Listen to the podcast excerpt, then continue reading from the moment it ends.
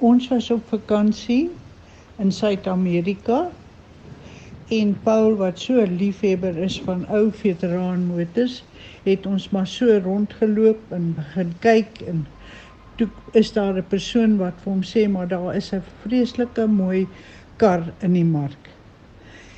En hy die oë het begin flikker en hy het besluit die kar moet hy sien.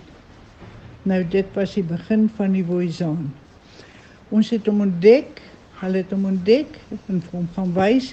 Hy het by 'n ouete huis onder in die kelder gestaan. En natuurlik groot opgewondenheid en hy vind toe uit dat die kar te koop is. En maar 'n lang storie kort te maak, hulle het uh, hy het hom gekoop en toe ons terugkom Suid-Afrika toe. Toe sou ons weer teruggaan om die, die saak af te handel en die kar te verskeep Suid-Afrika toe.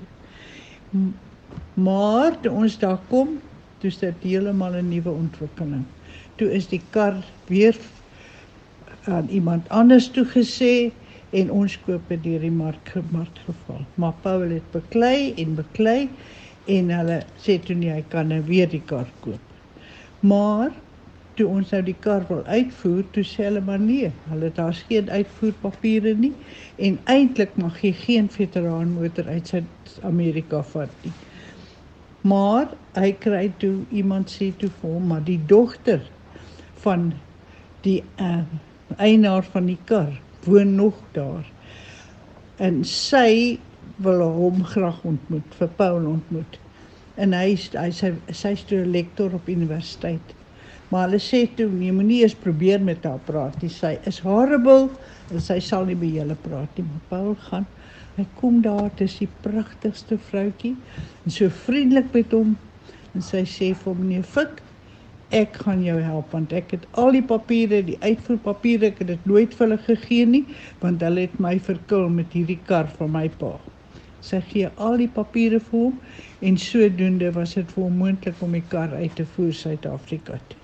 Hulle het toe vir Paul gekontak en gesê hulle wil graag hê die kar moet terugkom Parys toe, eh, Frankryk toe, want hulle gaan weer 'n wedren nou by Amiens wat die karre gaan dan te mekaar ja.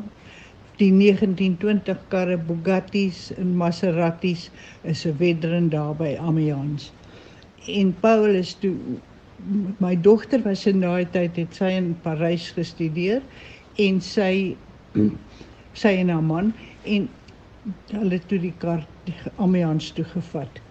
En Paul het gejaag teen die karre en een keer eerste gekom en die die keer derde gekom. En so het die kar het hulle besluit dat die kar is nog absoluut fantasties alhoewel dit 'n 1920 model is. En toe het ons die kar in 'n museum uh, gestoor in Frankryk. Ja, ons was toe op nog 'n uh, 'n uh, uh, wedren naby Lyon. En uh, daar in ek onthou die mans gaan mos gewoonlik om na die ou karre te kyk, maar ek het in die sitkamer gaan sit en omdat dit Frankryk was en ek nog nie so vlot kon Frans praat nie, het het daar toe ook in die sitkamer 'n 'n paartjie ingehou, 'n paartjie ingekom. En ek groet hulle toe en hulle antwoord my in Engels en ek vra vir hulle of hulle ook 'n motorsuur het op die skou en vir die wedren. Toe sê hulle nee, maar hulle is uitgenooi om as spesiale paartjie daar te wees. En ek begin toe sommer uitblaker. O, my man is hier en hy is so opgewonde want hy het die Voisin gebring wat hy in Amerika gekry het. En sy kyk my so en sy kry so so glimlaggie en sy sê maar meneer Gabriel Boyzan was my pa. En ons is spesiaal genooi vir die wedren. Natuurlik toe is ons sommer dadelik groot vriende en ons het toe die oggend voor ons nou op begin met die wedren net soos voor die stadsaal bymekaar gekom en toe wil hulle 'n foto neem van Paul en uh, mevrou Boyzaan. Mevrou, sy was toe nou nie meer Boyzaan nie. Kan nie onthou wat haar van toe was nie. En die tweeetjie staan toe so en Paul staan so styf langs haar En sy draai so om en sy kyk. Sy sê nee, ons doen dit nie so hier in Frankryk nie. Jy kyk my in my oë en jy glimlag vir my. En toe neem hulle die foto en sy was toe alreeds 80 jaar oud.